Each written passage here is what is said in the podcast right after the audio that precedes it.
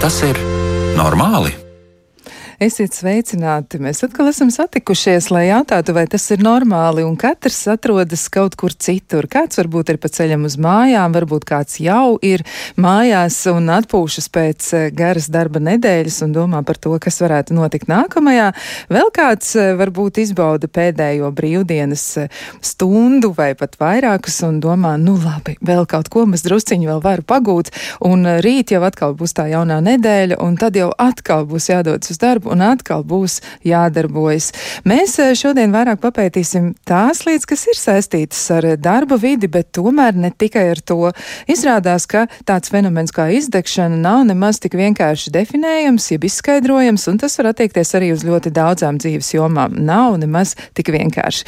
Atgādināšu studijā Kristiāna Lapiņa par skaņu rūpēsies Mārtiņš Paiglis, un klausītāji, jūs esat eh, atkal jau kopā ar mums, tikai kaut kā tā mēs jūs nevaram ieraudzīt, bet mēs zinām, zinām, ka tepat jau vien jūs esat. Un noteikti arī gribu jūs uzmundrināt un aicināt, ja nu gadījumā ir kas sakāms un ir tāda iespēja, noteikti atsūtiet kādu ziņu, e, izmantojot e-pasta adresi, vai tas ir normāli, at Latvijas radio.lv Un noteikti varat arī to darīt, izmantojot Latvijas radio mājas lapu, atrodiet raidījumu, vai tas ir normāli ziņojumu logu, un tad droši varat ierakstīt arī savu jautājumu, vai varbūt ir kāda doma radusies, un varbūt arī kāds piedāvājums kādam no nākamajiem raidījumiem.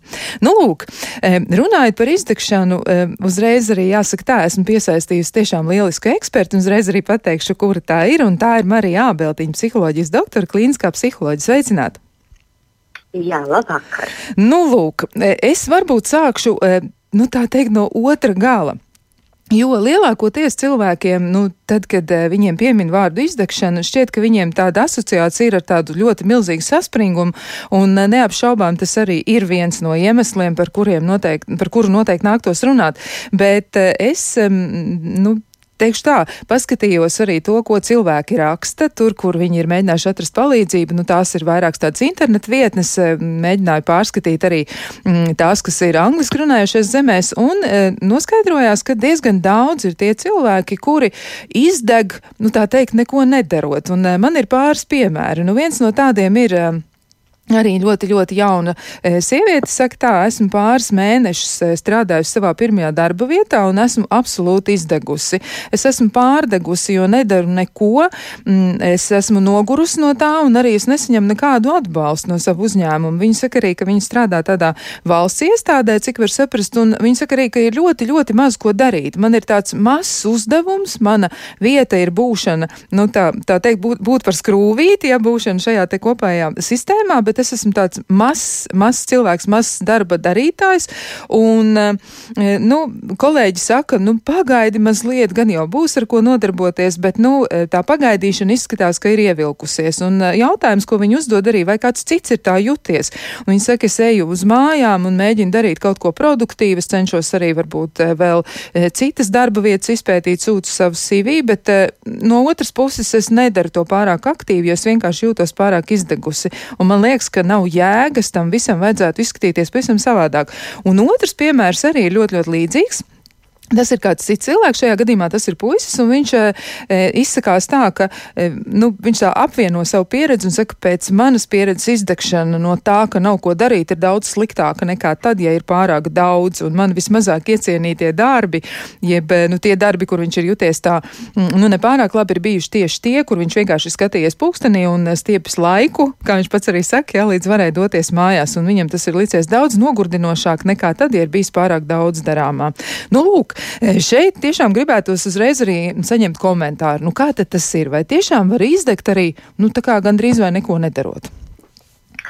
Nu, ļoti, ļoti labi piemēri un arī ļoti interesants jautājums, kas uh, patiesībā arī mani uh, nomocīja nu, es teiktu, gadus desmit atpakaļ sāka mocīt. Ja, jo atzīšos godīgi, es arī izdegu. Un izdegu vairākas reizes, un tas notika ļoti dažādi. Vienreiz tas bija nu, hiperpārstrādāšanās, un otru reizi tāda sevis nemitīga saudzēšana un tāda neiesaistīšanās iesaistīšanās um, kaut kādos lielos projektos, lai neizdegtu, mani noveda turpat un ļoti līdzīgi, kā šie cilvēki apraksta, es arī jutos. Un man arī kā psihologam bija nu, tāds, nu, tāds šoks, nu, paga, paga, paga, kas, kas notiek. Jā, jo nu, nav, nav nekādas pārlieku slodzes jā, šajā brīdī. Un, un, nu, es ļoti cenšos pati savus un citu psihologu ieteikumus ievērot. Jā. Un, um, un, un patiesībā tā atbilde nemaz tik ātri nenāca. Un, un beigu beigās es izdomāju tādu uh, viltīgu gājienu, iestāties doktorantūrā un to pētīt, nu, tā padziļināti. Ja? Uh, es nedomāju, ka viss tā dara, ka iestājās doktorantūrā, lai izpētītu kaut ko, kas ar viņiem notiek, bet man likās, ka šis ir tā vērts. Un, Un kas bija interesanti, ka es atradu arī tādu pētnieku un arī citu speciālistu vidū nu, tādu arī apstiprinājumu savām aizdomām, ka ir dažādi veidi, kā izdegt. Ka tas nav viens ceļš. Ja? Un tas viens, ko tu pieminēji, tas ir tas, kad mēs varbūt iedomājamies cilvēku, uh, kas ir pilnībā izsīcis, ja? kas ir um, nu, vairs nespēja strādāt, kurš nejūt, ka ka vispār viņš ir kādam vajadzīgs, vai nu, kā, ka viņš ir cīnījies ar sistēmu un nekas nav sanācis un tā tālāk.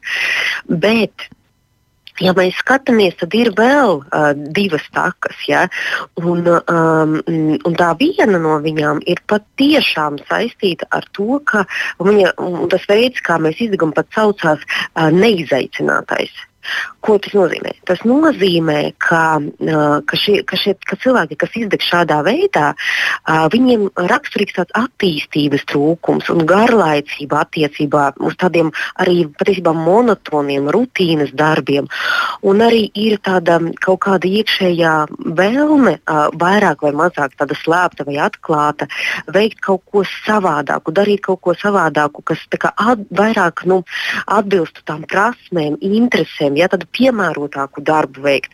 Bet um, visādu apstākļu dēļ cilvēki var iesprūst ja, tajā garlaicībā, un, un tas patiešām arī tas, ko tajā otrajā piemērā cilvēks teica, ka tas ir, ka tas ir nu, neciešami. Uh, bet es domāju, ka izdegt uh, nu, ir briesmīgi vienalga, kurā veidā, ja, ja mēs nonākam līdz tam patiešām izdegšanas punktam, uh, tad, um, jā, tad visi ceļi, kas uz turieni ved, ir nepatīkami. Jā, nu tiešām izklausās, ka cilvēkiem neklājas viegli, jo ierasts eh, ir domāt par izdegšanu, nu, ka tas noteikti varētu būt ar tādiem atpazīstamiem cēloņiem saistīts, eh, nu, tur tiešām pārāk garas darba stundas, jā, vai, vai arī varbūt eh, maiņu darbs, par to mēs arī mazliet mhm. parunāsim, ja, kas droši vien arī ļoti būtiski traucē cilvēkiem. Bet arī vēl viens piemērs ir viens tāds jautājums ir arī mums šovakar. Ko darīt, ja esošais darbs šķiet labs un ērts, bet nav tās sajūtas, ka strādājot, to ir intelektuāls piepildījums, tāda izaicinājuma, nav izaugsmas. Nu, tas ir tas, ko tu mazliet jau iezīmē. Bet eh, te cilvēks saka vēl vienu lietu, ka no vienas puses ir bail kaut ko labu pazaudēt, no otras puses arī bail, ka es sevi nerealizēju. Nu, ko man darīt? Nu, it kā, nu, tā kā latvieši saka, ja, nu, liekas, ka labāk zīle rokā nekā mednis kokā, bet to medni arī gribās, ja, nu, to zīle liekas pamaz. Jā, jā, es domāju, ka šis cilvēks atrodas tādās krustcelēs, jā, un, un mm, ir jautājums par to, uh, nu, cik ilgi ar to zīli rokā nu, stāvēsi, vai cik ilgi tas pietiks. Jā. Ja cilvēkam tūlīt pēc gada ir pensija, nu, varbūt, varbūt nevajag sevi izaicināt. No otras puses, nu, mēs zinām, ka mm, arī nu, daudzi cilvēki pensijas vecumā strādā. Ja? Un uh, vispār šis te, gadi, cik ilgi mēs pavadām darba vidē, viņi ir ļoti, ļoti nu, palielinājušies. Ja? Tas vecum, vecums, tagad, teiksim, tā slieksnis, viņš visu laiku attālināts. Un, un uh, es gribētu teikt, ka nu, tā arī uh, tas laiks arī ir ļoti, ļoti vērtīgs. Tas arī ir mūsu dzīves laiks. Nu, nav jau tā, ka dažreiz cilvēks saka, jā, ir, ir darbs un ir dzīve. Nu, Tas ir tāda sevis mānīšana, tāpēc ka nu, darbā mēs pavadām ļoti daudz laika. Tā arī ir mūsu dzīve. Un tad ir jautājums, vai mēs gribam to dzīvi kvalitatīvi dzīvot vai nē. Uh, Neapšaubām ir dzīvē sarežģīti posmi, kur uh, nu, mēs vienkārši izdzīvojam. Jā, mēs darām to, ko mēs darām, tāpēc, ka, lai uh, savilktu galus ar, ar galiem. Jā.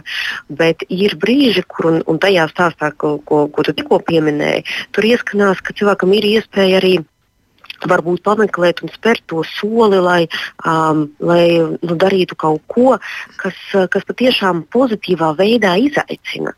Jo, nu, teiksim tā, uh, nereti cilvēki baidās no stresa jā, stress, viss ir slikti.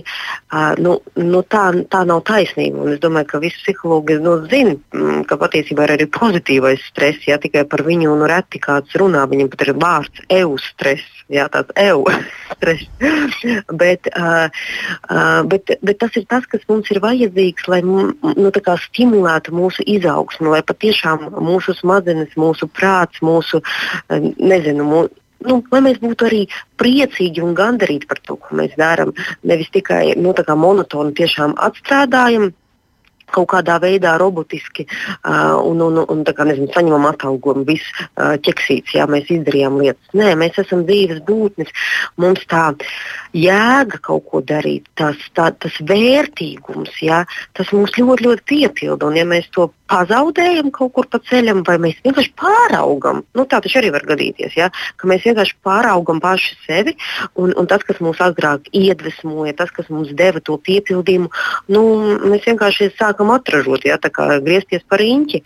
Nu, es teiktu, ka, ka, ka nevajag sev nu, ierobežot un, un, un, teiksim, tā, likt to smago grāmatu uz galvas, lai neaugtu. Ja. Labāk, labāk tomēr meklēt kaut ko, kas, kas, kas piepilda atkal no jauna. Jā, tas noteikti varētu būt tāds eh, virziens, uz kuru doties, jo izaicinājumi jau droši vien tomēr, nu tas e-stress, ja, ko tu pieminēji, labais stress, tas noteikti ir kas palīdzoši, bet um, izskatās arī, ka Piemēram, bezdarbnieki, kur arī ir pētīts, eh, nu, tas, kā šie cilvēki jūtas, ka viņi ir ceļā no vienas eh, darba vietas uz otru, vai varbūt ceļā, nu, kādreiz arī uz savu privāto biznesu, izrādās viņi arī izdeg.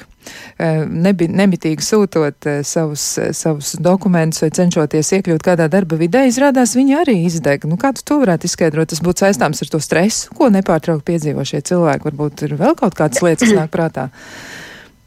Nu, kā, kā es teicu, ir vairāki veidi. Ja, pirmais veids - izdegšanas tāds fanātisks, kur cilvēks vienkārši pārstrādājās, neskatoties uz veselības eh, draudiem. Ja, dažādi ja, vienkārši pārstrādājot, pārstrādājot, pārstrādājot. Ja. Tad otrs ir šis neizaicinātais, un trešais ir tāds padevies, ja, mm. kur nereti uh, nu, ir uh, cilvēks nejūtās, ka, viņu, ka vispār viņam, ka, ka, ka viņš kādam interesētu. Jā, ka viņu vispār kāds novērtētu. Un es pieņemu, ka, ja tu sūti ļoti daudz CV un tevi, nezinu, gadiem nekur neviens neaicina, jā, ka šo, šo atteikumu saņemšana tas varētu būt ļoti smagi. Plus vēl nu, nereti cilvēki arī nokļūst bezdarbniekos ne tikai tāpēc, ka nezinu, tur atlaiž vai reformas vai vēl kaut kas tāds, bet arī dēļ tās pašas izdegšanas. Jā, un, un, un, nu, tad nereti arī tad, kad vairs nav tā īsti darba darba. Tad arī cilvēks to visu uh, izdegšanas seku apjomu nu, izjūt, ja, to uh, iztukšotības sajūtu un arī tādu neproduktivitāti ja, un, un, un daudz dažādas negatīvas domas par sevi un savu efektivitāti. Tas var būt ļoti, ļoti saprotami. Jā, bet kā vispār ir ar cilvēkiem? Nu, tad, kad mēs domājam par sevi, ir tā, man liekas, ka daļa cilvēku saskata darbu vai vērtē darbu kā nu, tādu tiešām centrālo, centrālo nezinu, nu, tādu norisi savā dzīvē. Varbūt tā mēs to varam apzīmēt. Un varbūt arī tā attieksme pret uh, darbu kopumā ir tā, kas zināmā mērā izaicina cilvēku. Un varbūt arī tas varētu būt izdegšanas potenciālais risks. Jo no vienas puses ir skaidrs, mums ir. Jāmēģina sevi nodrošināt, un mēs strādājam arī tā iemesla dēļ, lai e, varētu atļauties to, ko mēs vēlamies. Bet kā tas tieši notiek ar tiem cilvēkiem, kuri nu, tādā īpašā veidā raugās uz darbu, vai viņi varētu būt vairāk pakļauti izdegšanai, ja viņiem ir tādas īpašas attiecības ar darbu? Uh, nu, Viņi visticamākais varētu iekrist tajā pirmajā izdegšanas veidā. Ja, ja, ja man darbs ir vienīgais, kas, ar ko es aizraujos savā dzīvē, ja, vai kas ir mans uh, glābiņš un, un, un tā tālāk, ja, tāds, nu, tāda galējība, tad, protams, ka, t, nu, tas, tas ir ļoti bīstami, ja, kad mēs visus solus vienā, vienā grozā saliekam. Bet um, tas, ka es neiesaistos darbā, un patiesībā no viņa izvairos, jā, vai izvairos no izaicinājumiem, tas, ko mēs sākumā runājam. Tas ir kā, uh, nu, arī uh, savā ziņā veids, kā izdegt. Jā. Un patiesībā, ja es eju uz darbu jau izdegusi, un nu, daru lietas pavirši un, un vispār neiesaistos. Jā, man vairs nav vienaldzība, jā, man jau ir pilnīgākā tāda nolaidība kaut kādā ziņā. Nu, tā arī ir izdegšana. Jā. Tāpēc es teiktu, ka ka ir svarīgi būvēt eh, nevis dažādas neviselīgas attiecības ar darbu, bet tādas eh, patiešām veselīgas, kur um, es ar to saprotu. Uh, nu, m, pirmkārt, jau adekvātas darba vides iz, izvēli. Ja? Jo, protams, mums visiem var trāpīties dzīvē, nokļūt ļoti nu, nežēlīgās darba vietās. Bet uh, vienmēr ir jautājums, vai vai mēs tur paliekam, vai mēs nu, spējam no turienes aiziet prom, meklēt citu darba vidi, vai arī, tā, vai arī kaut kādā ziņā mainīt to darba vidi. Ja? Jo tas, kas ir svarīgi, lai ne, nenotiktu izdegšana, es nerunāju par to, ka mums ir jāstrādā kaut kādi viegliņie darbiņi. Ja?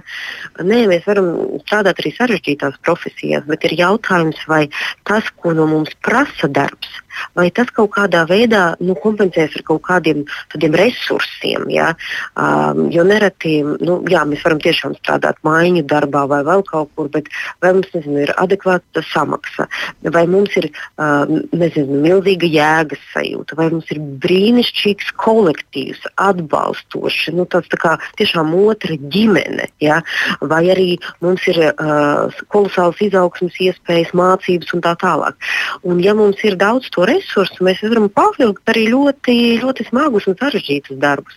Bet, ja mēs esam darba vidē, kas ir tikai pieprasoša, jā, ar briesmīgu attieksmi vienam pret otru, nu, tad, nu, tad, jā, tad mums nav veselīgas attiecības ar darbu. Jā, tad mums kaut kas, kaut kas tur ir jāmaina. Un, un no iekšienes, ja mēs skatāmies, tad, protams, ka atkal jautājums, vai mēs spējam uh, nu, to zelta vidusceļu uh, turēt uh, kā tādu uh, karogu, ja, mēs neesam pārāk aizrāvušies ar darbu kā ar vienīgo dzīves jomu, bet no otras puses mēs arī nu, neizvairamies no darba, neslēpjamies vai kā, nemēģinam darīt kaut ko, kas mums dara pāri. Ja?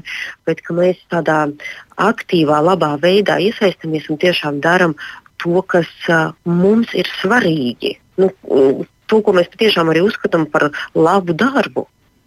Jā, Jā nu vēl arī viens jautājums ir eh, par to, vai izdegšana ir tikai un vienīgi pārstrādāšanās darbā, vai izdegšana ir dažāda un tostarp arī eh, privāta apstākļu sakritība. Vai varētu tā būt, ka tur ir kaut kas, kas, eh, nu, ir, kaut kam ir jābūt vēl klāt pie visa, jo varētu, protams, tā būt, ka tur ir kāds konkrēts atpazīstams cēlonis un, un, un iespējams, ka tā arī ir, bet varbūt, ka tur ir arī, zinām, riski, ja sakrīt kaut kādas lietas. Nu, pieņemsim, ja cilvēkam ir slodze privātajā dzīvē, kas arī arī varbūt reizēm ir nu, tāda grūta izturama situācija. Nu, citreiz arī notiek tā, ka nu, cilvēks šķiras vai, vai, vai dzimis bērni, vai viņi pērk mājas, un viņi dara daudzas dažādas lietas. Nu, kā tu uz to raugies? Vai tas varētu būt tāds arī nu, lielāks risks, ja tur kaut kas sakrīt arī nu, tādā vienā groziņā? Ir vairāk faktoru. Nu, jā, protams, daudz tiek runāts par tādu darba un nezinu, privātās dzīves konfliktu. Jā, ja šīs dzīves sfēras sāk konfliktēt savā starpā, jā, tas ir ļoti slikts faktors, jā, kas, kas visu to situāciju pasliktina. Jā. Nu, kad, kad es nevaru paspēt izdarīt nezinu, mājas lietas, jā, vai arī tur ir tiešām ļoti daudz stresspilnu situāciju, kuras ir jārisina un kur savu enerģiju ir jāvelta, vai arī darbs paņem tik daudz, ka tas sāk izraisīt konfliktus mājās. Jā, nu, tur, tur var būt dažādas kombinācijas. Tas, tas protams, var tādā negatīvā veidā ietekmēt mūsu nu, tādu, labklājību, labbūtību darbā, ka mēs patiešām varam novirzīties uz to izdegšanas taku. Bet nu, tā klasiski tomēr visvairāk tiek domāts par to, vai, vai mēs, kas, kas ir tā vide, jā, kā, kādā vidē mēs darbojamies. Un, un, um, es savukārt arī, mm, arī domājot nu, par savu disertāciju, tas, ko, ko es mēģināju izpētīt, uh, vai ir kaut kas, nu, kaut kādi sabotējošie faktori, kas ir mūsos iekšā, mūsu attieksmē.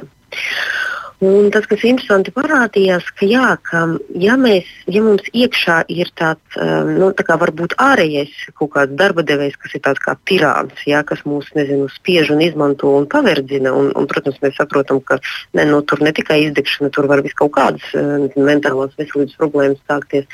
Bet, um, mums vēl galvā arī var būt savs iekšējais tirāns, ja, kur mēs esam varbūt uh, izauguši par tādiem cilvēkiem, kas ir ar tādām negausīgām, neelastīgām prasībām paši pret sevi. Nevis pret citiem cilvēkiem, bet pret sevi. Un kur mēs varbūt uh, atpūtu uzskatām mm, par kaut ko muļķīgu. Ja? Tas ir ļoti riskanti. Vai arī mēs uzskatām, ka mēs neesam nu, tā vērti, lai mums būtu tāds foršs darbs. Un tad mēs nereti varam iestrēgt tādās ļoti garlaikojošās mūsu vidēs. Ja, jo katru reizi, kad mums parādīsies jauna iespēja paspīdēs, tas, ko mēs izdarīsim, mēs izdarīsim tādu iekšējo sabotāžu, ka nu, nezinu, tur priekšnieks mums piedāvā, nu, varbūt tu gribi paņemt kaut kādu jaunu izaicinājumu, jaunu projektu vai nu, aizbraukt uz citu valsti, pastrādāt. Un tas, ko nereti cilvēki izdara, viņi iekšēji vienkārši pasakā, nu, izpēc, nu, tavā vecumā, nu, kur tu brauksi nu, nu, ko tu tur esi sadomājusies? Nu, nekas tev tur nesanāks. Ja? Un, vai par to pašu zīlu rokā. Ja? Turies labāk pie tā, kas tev ir. Ja? Un, un cilvēks to neizdara, to soli. Ja? Un, uh, un patiesībā um, kaut kādā ziņā uh, cilvēks kļūst ievainojamāks pret izdegšanu uh, dēļ tā, ka nu, iekšā tāda uh, ļoti nelāga attieksme pret sevi ir izveidojusies. Jā, bet tā, manuprāt, varētu būt saistīta arī ar kopējo tādu, nu, vai sociālo vai kultūras situāciju. Ir taču tik ļoti daudz šie piemēri, uz kuriem arī cilvēki mēģina atsaukties. Bieži vien viņi saka, bet, nu, redz, kur man taču ir jāizdara tas un tas un tas, un tad ir, nu, arī tādi ļoti veci izteicieni jau tādi ar bārdu gandrīz, ja, ka, nu, tur mūža laikā ir jāpagūst izdarīt tādas un tādas lietas, un cilvēks tik ļoti tiecas, un arī, jo īpaši par darba jomu runājot, ja, nu, ka tur ir jāizdara, nu, tik daudz, ir jāsaņem kaut kāda apbalvojuma vai diploma vai vēl kaut kas ir nemē, ne, nepār nepārtraukti ir jāmēģina sevi pilnveidot. Nu, kur mūs tas varētu aizdzīt, ja šī pilnveidošana? Vai tas varētu būt arī viena daļa no šīs te pašas sabotēšanas, ka tur parādās tas iekšējais tirāns, kā tu teici? Tas vispār ļoti skarbi izklausījās. Ja tāds tiešām es, es pilnīgi spēju iztēloties, kā tas ir. Tas iekšējais dzinējs, kas visu laiku nerimstās. Nu, es viņu speciāli saucu par tirānu, tāpēc, ka tad, kad man cilvēki arī konsultācijās stāsta, kā, kā viņi ar sevi runā, ja, kā viņi reaģē paši uz savām kļūdām, vai uz jaunām iespējām, vai vēl kaut kādām lietām, tad tas nereti ir nu, tādi, um, diezgan parupšs veids, kā cilvēki ar sevi runā. Ja. Tāpēc, tāpēc arī to sauc par tādu tirānu. Um, ja, ja mēs sevi kaut kur dzenam, tad ir jautājums, nu, tā, kādēļ Ja, ko, ko mēs mēģinām darīt? Vai mēs mēģinām sadzīt kaut kādas veidzirnavas un pierādīt sev un pasaulē, ka mēs esam vislabākie? Nu, tad, eh, nu, tad, protams, tas ir ļoti eh, slidens ceļš, kur, kur, kur noteikti mūs sagaida nu, kaut, kādas, kaut kādas grūtības saistībā ar tieši ar psihisko veselību, varbūt arī ar fizisko veselību. Ja? Bet, ja mēs domājam par tādu es teiktu, tā uh, ir cilvēku kategorija, kuriem ir jāiemācās uh, vispār atrasties savā komforta zonā, jo viņi visu laiku sevi izaicina, jā, nemitīgi, un, un viņi izdeg tieši tāpēc. Bet ir cilvēki, kuriem tieši pretēji ir jāmācās kāpt ārā no komforta zonas, jo viņi nemitīgi sevi saudzē vai tieši otrādi sit sev pa pirkstiem, lai nekur nevirzītos. Ja? Lai ne to Dievs nekļūdītos, un nezinu, jo vecāks tas kļūst, jo grūtāk izgāzties uh, kā vecai sētai. Ja? Uh, un, un, um, un, un ka abas šīs lietas patiesībā uh, ir diezgan nu, bīstamas taktikas. Jā, tā gan, tā gan tiešām tā ir. Mm, bet eh, vai varētu būt arī tā, ka pats darba saturs, eh, nu, piemēram, es iedomājos arī viens no piemēriem, ko es lasīju arī par komentāru, un tur laikam viens no tādiem, nu, nesen praksi arī uzsākušiem juristiem eh, atzina, ka viņam ir ļoti grūti strādāt ar šo saturu, viņš ļoti, ļoti jūt šo izdegšanu, ka tā tuvojas tieši tā iemesla dēļ, ka viņam ir jādara lietas, kas ir pretēji viņa iekšējai tai, nu, tai mm, ētiskajai izpratnē par par to, kā būtu jānotiek kaut kam, un acīm redzot, tā darba specifika ir tāda, un tad cilvēks arī -hmm. saka, ka ļoti -hmm. cieši no šī. Nu, noteikti, noteikti. Jo, ja mēs tā uzskaitām tos klasiskos uh, darba vidas raksturotājus, kas, kas, kas izdezina, jā, nu, es teicu, darba slodze, protams, jā, vai attiecības kolektīvā, vai um, vadības uh, attieksme, nu, tāda vērtību sakritība, tas, kas ieskanās arī šajā piemērā, bet arī, protams, darba saturs. Jā.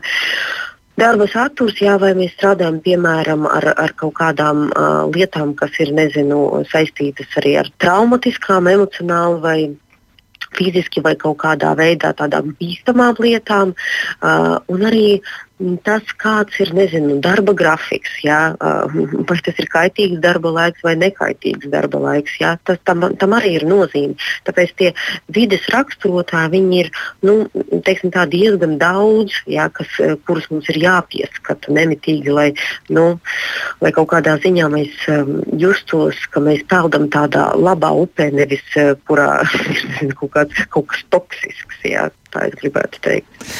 Jā, nu tā ir patiesi jāpieskata pašiem sevi, bet nu izskatās, ka mums vēl ir daudz lietas pārspriežamas, un to mēs arī darīsim, bet to mēs darīsim pēc īsa brīža.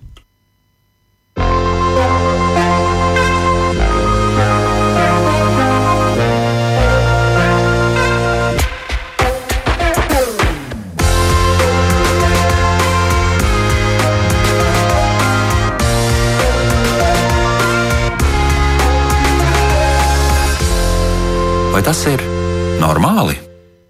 Mēs turpinām savu sarunu, bet pirms mēs turpinām, atkal ir šis jaukais brīdis, kad mēs uzdodam jautājumu mūsu raidījumu viesim. Un eh, atgādināšu klausītājiem, ka mēs to darām tā iemesla dēļ, lai iedrošinātu arī jūs gan sūtīt mums savus jautājumus, gan arī vienkārši dzīvē uzdot eh, šādu jautājumu, kuru jūs varat uzdot jebkuram citam cilvēkam. Tos var iespējams arī paši sev, vai tas ir normāli, un tad turpināt ar mm, kaut ko, kas tiešām eh, ir noskaidrojams.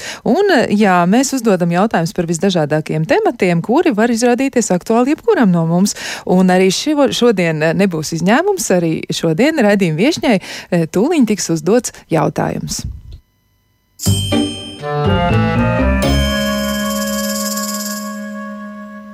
Nu, lūk, Marija, tev jāizvēlās skaitlis 1, 2 vai 3 lai ir trīs. Lai ir trīs. Nu, šodien mums ir uh, trīs jautājumi, kuri visi ir saistīti ar tādām sociālajām situācijām. Un uh, skaitlis trīs uh, man saka, ka jautājums ir tāds. Nu, to saka viena sieviete, iespējams, ka tas ir ļoti tipisks jautājums. Bet viņa saka, nu, vai tas ir normāli, ka es vienmēr strīdos ar savu vīru, jo tad, kad mēs ejam uz viesībām, m, viņš nekad nedejo. Un mēs esam ļoti daudz par to runājuši, un nekas nav mainījies. Un es jūtos ļoti nelāgi. Man tad ir nu, jādejo ar citiem kavalieriem no viesu pulku, bet es es jūtos ļoti nelāgi, es labprāt gribētu to darīt ar savu vīru, un viņš vienkārši atsakās tajā iesaistīties. Nu, kā tev šķiet, kā varētu šo situāciju atrisināt? Pirmkārt, vai tas ir normāli, ja, ka tā mēdz būt? Un, un ko tad lai ar to dara?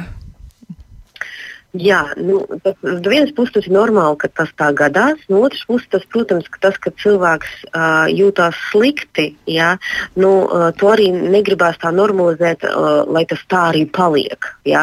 Es teiktu, tiešām, ka tā ir tāda varbūt tipiska un bieži sastopama situācija, uh, bet viņa, jā, viņa ir diezgan skumīga. Un, man nāk prātā, ka es pavisam nesen biju divos raidījumos saistībā ar raudāšanu un uh, arī mm, raudāšanu un, un vīriešu raudāšanu, vispār vīriešu emociju paušanu.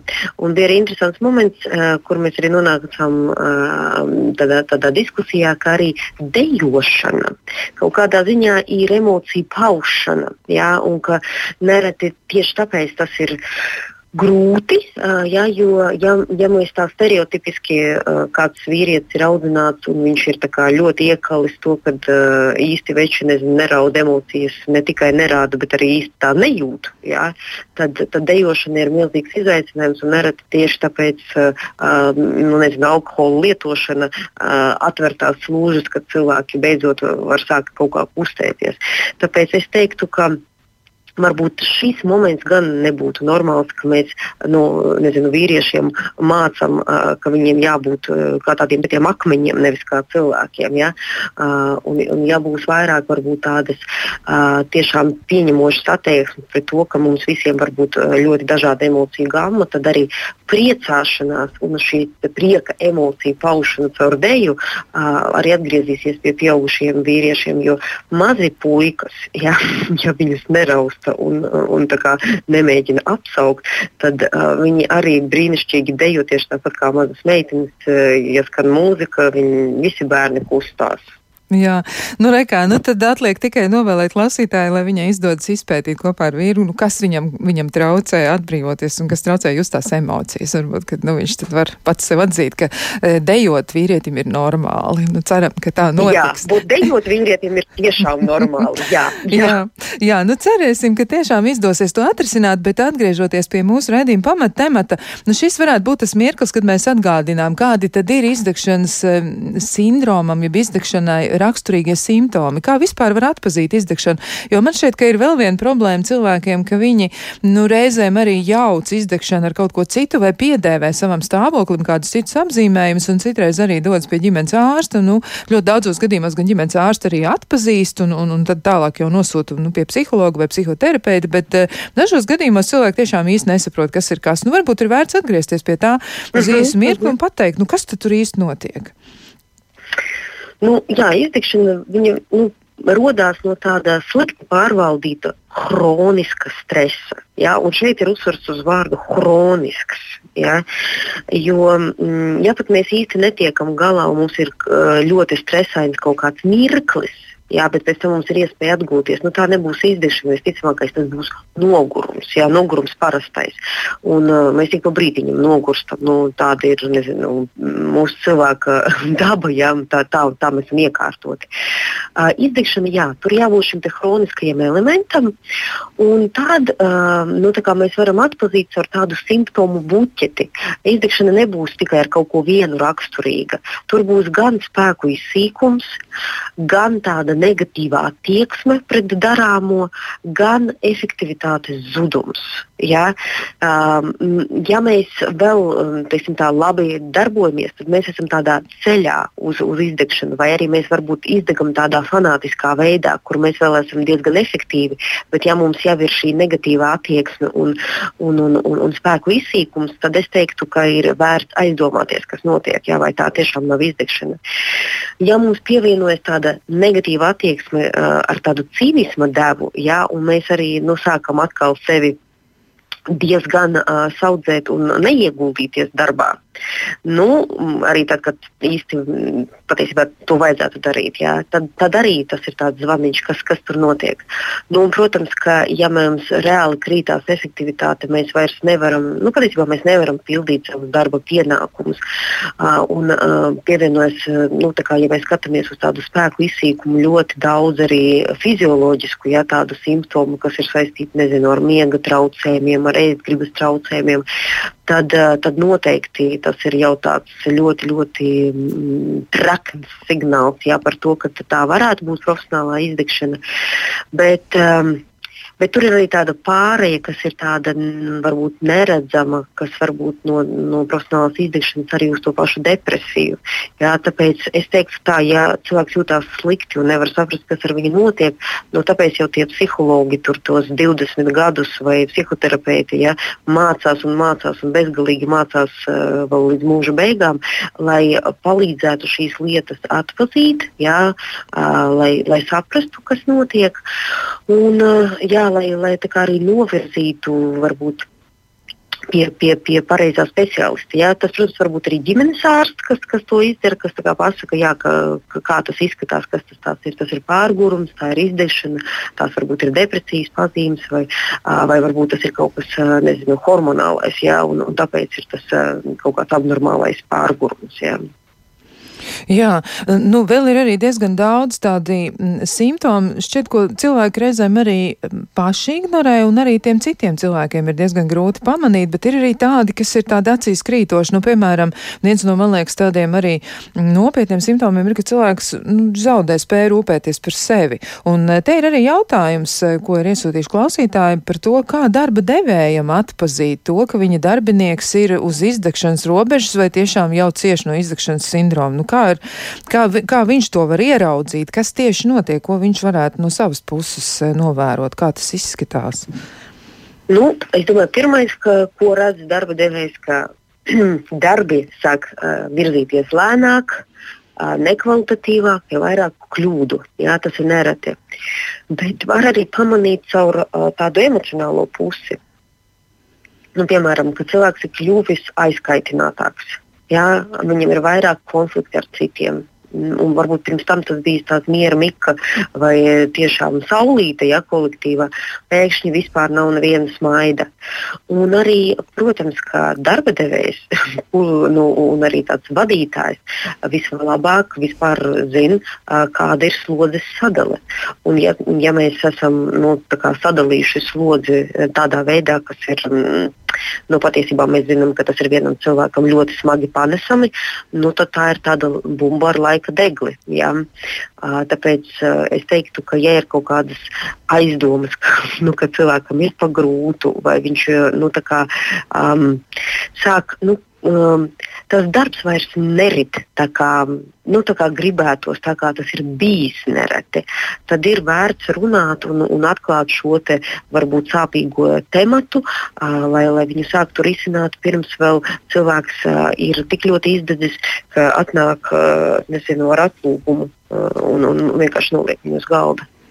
Jā, bet ko tādā gadījumā darīt? Iedomājamies, ka mums ir šis izdegušais darbinieks, nu labi, mēs varētu viņam piedāvāt kādu laiku atpūsties, bet eh, cik ilgu laiku varētu aizņemt kaut vai tas tā atgūšanās un vispār, ko tas varētu nozīmēt? Jo tu pieminēji arī to, ka, nu, daļa no personības noteikti tāds personības iezīmes vai raksturīgās lietas šim cilvēkam, nu, tur X, Y vai vēl kādam citam, jau varētu būt arī tās, kas viņu, nu, zināmā mērā ved, ved uz to izdegšanas eh, ceļu. Tad tad kā, kā ar to būt? Nu, ko, tad, ko tad darba devējiem apsvērt? Jo tas noteikti nebūs viens dienas jautājums to atrisināt.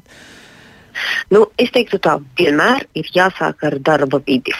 Ja, un ir vērts kā, saprast, kas, kas tur notiek, jo ļoti daudz uh, izdegšanas jautājumu ir saistīti ar sliktu pārvaldi vai ar uh, briesmīgiem konfliktiem, vai nedodies pat uh, tādu vardarbību emocionālā darba vietā, ja, kas var būt ilgst gadiem. Un, uh, ja, piemēram, uh, šos jautājumus nerisina, Un tur, protams, var iedziļināties eh, tādā dziļajā psiholoģijā, kāpēc cilvēks eh, pieaugušais to tur nerisina. Bet tas īsti tā nepalīdzēs. Man liekas, ka ir, ir būtiski veidot tādu darba vidi, kur var šos konfliktus risināt, nevis paslaucīt zem tepiņa. Un, un, protams, kā arī stimulēt vispār veselīgu attieksmi pret darbu. Jo uh, nu, vadītāja loma ir ļoti svarīga, un, un ja vadītājs pats uh, nezinu, sevi nesaudzē, sevi dedzina ārā, nu, tad arī visam kolektīvam tas būs piemērs. Ja? Tāpēc es vienmēr aicinu vadītājus arī rūpēties par sevi. Un, un, un, tas, tas arī dod tādu iedrošinājumu citiem, un tas veido to kultūru, kad, kad, kad, jā, ka, ka pie mums rūpēties par no, tādu psihisko un, un, un, un, un fizisko veselību ir pieņemami. Tas, tas ir ok. Jā, arī nezinu, brīvdienās atpūsties, nevis sūtīt ēpastus, ja tur svētdienas, svētdienas naktī. Uh, nu, kad, ka mēs to nedarām. Ja? Vai arī ka mēs atklāti risinām konfliktus un mēs no viņiem nebaidamies. Ja? Nevis mēs vienkārši uzliekam smaidiņu un izliekamies, ka viss ir kārtībā. Tā kā es teiktu, ka šis ir šis ir pirmais, kas ir jārisina. Un pēc tam, ja mums ir brīnišķīga darba vide un viss ir sakārtots, bet cilvēks tik un tā pamanās uh, naktī pa kluso ielīst oficiālā un pastrādāt, ja?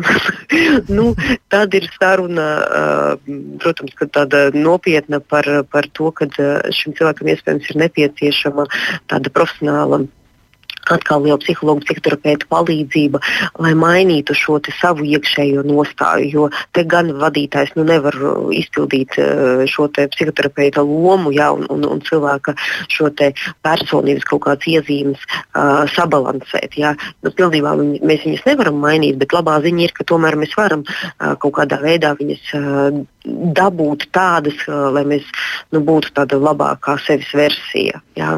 Jā, tas varētu noteikti palīdzēt, bet es tieši domāju arī, cik daudz ir atkarīgs no kultūras. Es, es man nāk prātā vismaz pāris Āzijas valstis, kur, man liekas, pārstrādāšanās tiek uzskatīta par tādu, nu, tā tādu no, normālo dzīves daļu, kas man atkal savukārt no man viedokļa raugoties liekas absolūti nepieļaujami. Bet eh, tu pieminēji vidi, un vidi tiešām ir ļoti svarīga. Varbūt ir vēl kaut kas, kas tev nāk prātā, ko varētu atgādināt gan tiem cilvēkiem, kas paši varētu būt, nu, kā darba ņēmēji, piemēram, vai arī varbūt viņi strādā citā versijā kaut Kaut arī viņi varbūt ir ar savu privātu uzņēmumu, bet tomēr viņi arī riskē ar izdegšanu. Mm, kas ir tas, kas raksturo labu darba vidi bez tā, ka tu teici, nu, pievērš uzmanību konfliktiem un eh, mēģini runāt atklāti, mēģini demonstrēt tādu labvēlīgu attieksmi pret sevi? Kas vēl varētu būt ļoti svarīgi, ko mēs varētu nu, piefiksēt, kas ir tādas lietas, kas būtu jāatcerās, kas, kas, kam noteikti būtu jābūt, kas varētu profilaktiski novērst izdegšanu nākotnē? Nu, godīgums vai tāds taisnīgums. Ja? Mm, jo, ja mums ir tāda netaisnīga nezinu, pienākumu sadale vai bonusu sadale, ja, nu, tas, tas ļoti viskaut kādas nelāgas lietas veicina. Ja, un, ja mums ir taisnīga, taisnīga tā, tā visa sistēma, kādā mēs darbojamies, tas ir ļoti labvēlīgi. Ja, tāda faktors, kas pasargā no, no, no, no izdegšanas. Arī iespēja izjust tādu kontrolas um, izjūtu. Mums kā cilvēkiem ir svarīgi, ka mēs nu, kontrolējam lietas. Ja? Un, ja um, mums kā darbiniekiem nav iespējas sajusties, ka mēs nu, par kaut ko esam tiešām atbildīgi, mums uzticās, bet uh, nezinu, ja mūs, kā mēs teikt, mikromenedžē, ja, pārbauda katru mūsu soli, skatās uz pirkstiem tās ir ļoti grūti izturami. Ja? Tāpēc tāda paļaušanās uz, uz, uz darbiniekiem, nu, tas, tas arī ir svarīgi. Ja? Um, un, un, un, un tāda tiešām cilvēkam iespēja to, to, to sajust, ka, ka, es, ka es kaut ko vadu, kaut ko kontrolēju. Uh, jēga, ja ik pa brītiņam atjaunot to sajūtu, ka mēs darām jēdzīgu darbu, uh, jo jūs paši zinat, ka nekas nav garlaicīgāks par bezjēdzīgu nezinu, kaut kādu darbu darīšanu. Ja mēs nesaprotam, priekš kam tas ir vajadzīgs, tas, nu, nu, mēs vienkārši paliekam stresaini, aizkaitināti, jo nu, mēs terējam savu dzīves laiku kaut kādām muļķībām. Ja? Tāpēc darba vietā ir svarīgi nu, ik pa brītiņam, varbūt arī savā starpā apspriest un atjaunot uh, izpratni par lietām, kāpēc mēs to darām, un ja kaut kas ir novecojis. Un tam tiešām vairs nav jēgas, nu, ka mēs to arī nu, kaut kādā ziņā nu, to, no tā atvadamies. Ja? Mēs to nomainām, un, un mēs to vairs nedarām, jo, lai, lai tā, tā izdedzināšana nebūtu. Nu, kā jau pieminēju, tāda vērtību sakritība un tāda, nu, tāda um, kad mēs tas, ko mēs paužam, ka, kas mums ir vērtības, ka tas arī atbilst tai realitātei. Jā, tas, tas arī man liekas ļoti, ļoti palīdz cilvēkiem nu, sajusties savā vietā. Jā, tas varētu palīdzēt. Nu, vēl arī tāds komentārs no klausītājiem, ka dzīve jādzīvo šodien, visu līdzsvarojot, atrodot laiku sev, savam tuvākajiem cilvēkiem, savām vēlmēm un vajadzībām. Izklausās ļoti labi, bet vai tas ir tik vienkārši, vai tas eh, tik viegli izdodas? Kas, tavuprāt, ir tās būtiskākās lietas, kas būtu pašiem cilvēkiem jāmācās par sevi, lai viņi neizdegtu, lai viņi nepakļautu sevi šiem riskiem? Jo, man liekas, arī es atceros vienu tādu piemēru par ļoti, ļoti jaunu studenti, kura arī izdega pēc pusotra gada studējot mm -hmm. ļoti saspringtos apstākļos. Viņa studēja medicīnu un, diemžēl, nu, tas viss eh, uz kādu brīdi bija tā ļoti, ļoti grūti, jo viņi izmantoja to pašu, eh, nu, tādu mācību principu, ko viņi bija lietojis vidusskolā un izskatās, ka tas bija ļoti, ļoti, nu, tāds, nu, nepiemērots eh, lēmums un nepiemērota, nepiemērota taktika tieši tā iemesla dēļ, ka augstskola jau paredz kaut ko citu, tā paredz tādu prioritāšu sadalīšanu darīšanu, vai arī kaut kur mēs vairāk ieguldam enerģiju un kaut kur mazliet mazāk, un, un mēģinām tā tik galā šo slodzes, slodzes, slodzes menedžēšanu, noteikti slodzes plānošanu. Vai tas ir tas, kas būtu cilvēkiem jāiemācās, ko viņiem vajadzētu zināt par sevi un ko viņiem vajadzētu apgūt, kas ļautu izvairīties no izdegšanas? Tu ļoti labi pieminēji šo, šo te jāspēj tiešām plānot un prioritizēt un vispār tādu problēmu risināšana. Jā, tas ir ļoti svarīga prasme, jā, ka mēs spējam atpazīt problēmas, nodefinēt un meklēt risinājumus. Jā, nevis uh, ķerties klāt pirmajam, kas iešāvās galvā, bet tiešām arī nu, viņus ģenerēt un, un meklēt arī palīdzību. Jā, tajā brīdī, kad mēs saprotam, ka mēs paši nevaram atrisināt. Angliski ir labs tāds pat uh, tad, nu, šī prasme tā arī saucās - problem solving. Jā, tas ir viens. Un otrs, lai tiktu galā ar to iekšējo tirānu, ko es agrāk, nu, pirms tam minēju, ja, šī man liekas ir tāda līdzjūtīga pieeja, tāda iekšējā pieeja pašam sev, kas ir angļuiski self-compassion, man arī liekas ļoti, ļoti simpātisks ceļš, kad mēs mācāmies paši ar sevi iekšēji runāt tādā jaukā, motivējošā, konstruktīvā veidā, nevis sevi strostēt un visādi bakstīt un, un nezinu, kādu tur sevi smieties un irgāties, ja mums kaut kas nesanāk. Man liekas, šis ir tāds ceļš ceļš. Es zinu, ka tu uzdod daudz tādus jautājumus, un varbūt arī cilvēki klausās un domā, jā, bet kāds ir tur konkrētais piemērs. Uh, man šausmīgi bieži to jautā. Tāpēc es, es patiesībā četrus gadus centīgi uh, visu kaut ko pierakstīju, domāju, un ne tikai domājot par, par tādu disertāciju, bet es esmu arī sarakstījis tādu nu, populāru zinātnisku grāmatu par šo ļoti, ļoti ceru, ka viņa maija sākumā, nu, 19. maijā, kā, ka viņa būs gatava un, un tad uh, tur būs arī daudz piemēru un vingrinājumu. Jo, jo, protams, ka tādās īsās sarunās nu, ir šausmīgi grūti un tad man liekas, ah, es vēl šito, šito, šito nepaspēju izstāstīt. Es ceru, ka varbūt tas būs kaut kas tāds, kas palīdzēs cilvēkiem. Jā, bet eh, vispār runājot par, par dažādu veidu tādām papildus lietām, ko cilvēki var arī izmantot, lai paši sevi izglītot vai arī palīdzētu pamatu sev. Noteikti tas taču arī varētu nākt par labu. Nu, es, es domāju, arī kaut kādas tādas citas aktivitātes, nu, kaut kas, kas palīdz nomierināties vai kas palīdz uh -huh. uh, iemācīties uh, elpot tā, lai nomierinātu sevi un izmantot to bioloģisku atgriezenisko saiti.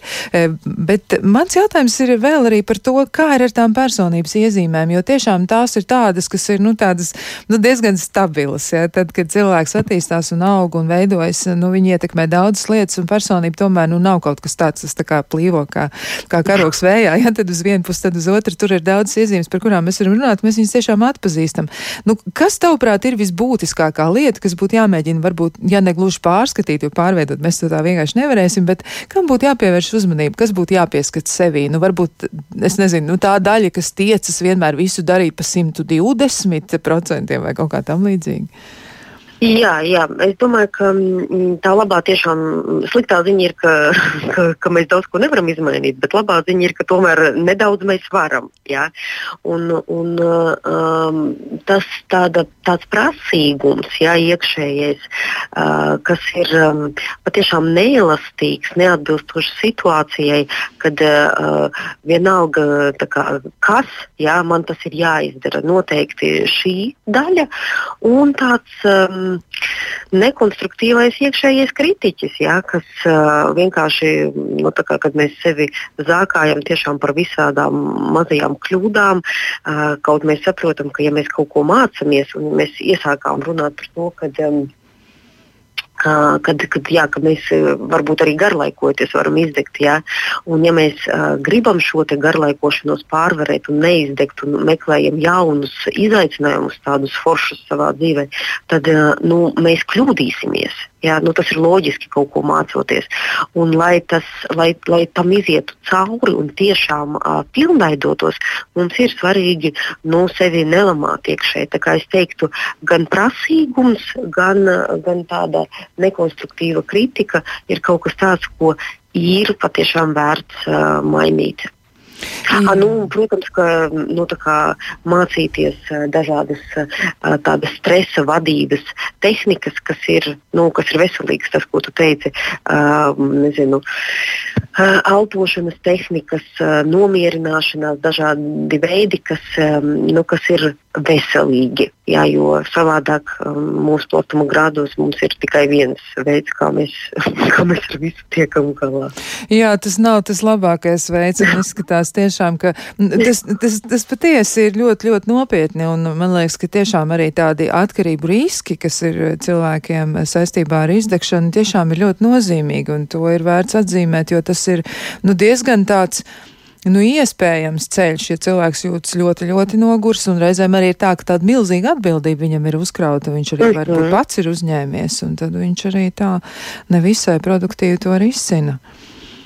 Mm -hmm, mm -hmm, tieši tā, tieši tā, jo um, nu, mums kaut kā mūsu kultūrā ir daudz labu lietu, bet, protams, ir arī lietas, ko, ko, ko negribētos, kas, kas tur ir. Un, un alkohola lietošana ir ļoti normalizēta lieta. Uh, ja tev ir grūti, ja tev ir bēdīgi, ja tu esi satraucies, ja, ja tu esi nomākts, ja tu esi noguris, ja, tad uh, visu laiku kaut kas tur klunkšķinās un, un, un tās glāzes piepildās. Ja. Un, un tas, ir, uh, tas ir tāda neproduktīva efektīva stratēģija. Un, protams, ka arī uh, nu, tāda, nezinu, uh, mēģināt sevi ātri, ātri dabūt enerģiju ar saldumiem un traknumiem. Nu, šis arī nav tāds labs ceļš. Jā, tāpēc uh, es, es domātu, ka tāda ieguldīšana sevī, kad mēs uh, mācāmies uh, patiešām dažādot savas stratēģijas, sākot ar pastaigām uh, un beidzot arī ar tādiem, nezinu, tiešām elpošanas vai apziņotības vingrinājumiem. Tas ir, tas ir um, ļoti būtiski un es teiktu, ka tas ir ieguldījums ne tikai pret uh, izdegšanu. Jā, tas ir uh, svarīgi nu, jebkuras uh, mentālās veselības traucējumu gadījumos. Jā, tā tad noteikti ir jāmēģina attīstīt tā spēja parūpēties par sevi, un varbūt arī mums drusciņi jāiemācās runāt laipnāk, nu, ar sevi pašu, ne tikai ar citiem cilvēkiem, bet arī ar sevi. Patiesi, tas ir darbiņš, kas katram darāms pašam, un cerams arī, ka izdosies. E, šai mirklī teikšu lielu paldies Marijai Ābeltiņai, psiholoģijas doktorai, klīniskajai psiholoģijai, un arī teikšu paldies klausītājiem, ka bijāt kopā ar mums. Mēs ar jums atkal tiksimies pēc kāda laika, un ja nu tiešām ir kas sakāms, noteikti dodiet mums ziņu, lai jums jauka nākamā nedēļa, lai jums izdodas visi darbi, bet nepārstrādājieties un centieties parūpēties par sevi, jo nāk jau tādi ļoti, ļoti jauki brīži, saules būs vairāk, debesis zilas, nu tiešām mēģinām atrast to prieku, lai tas ir vairāk un savukārt, lai tās darba lietas mazliet iet mazumā, cik nu tas ir iespējams, lai jums jauki uz redzēšanos un tiekamies atkal kādā citā reizē. Atā!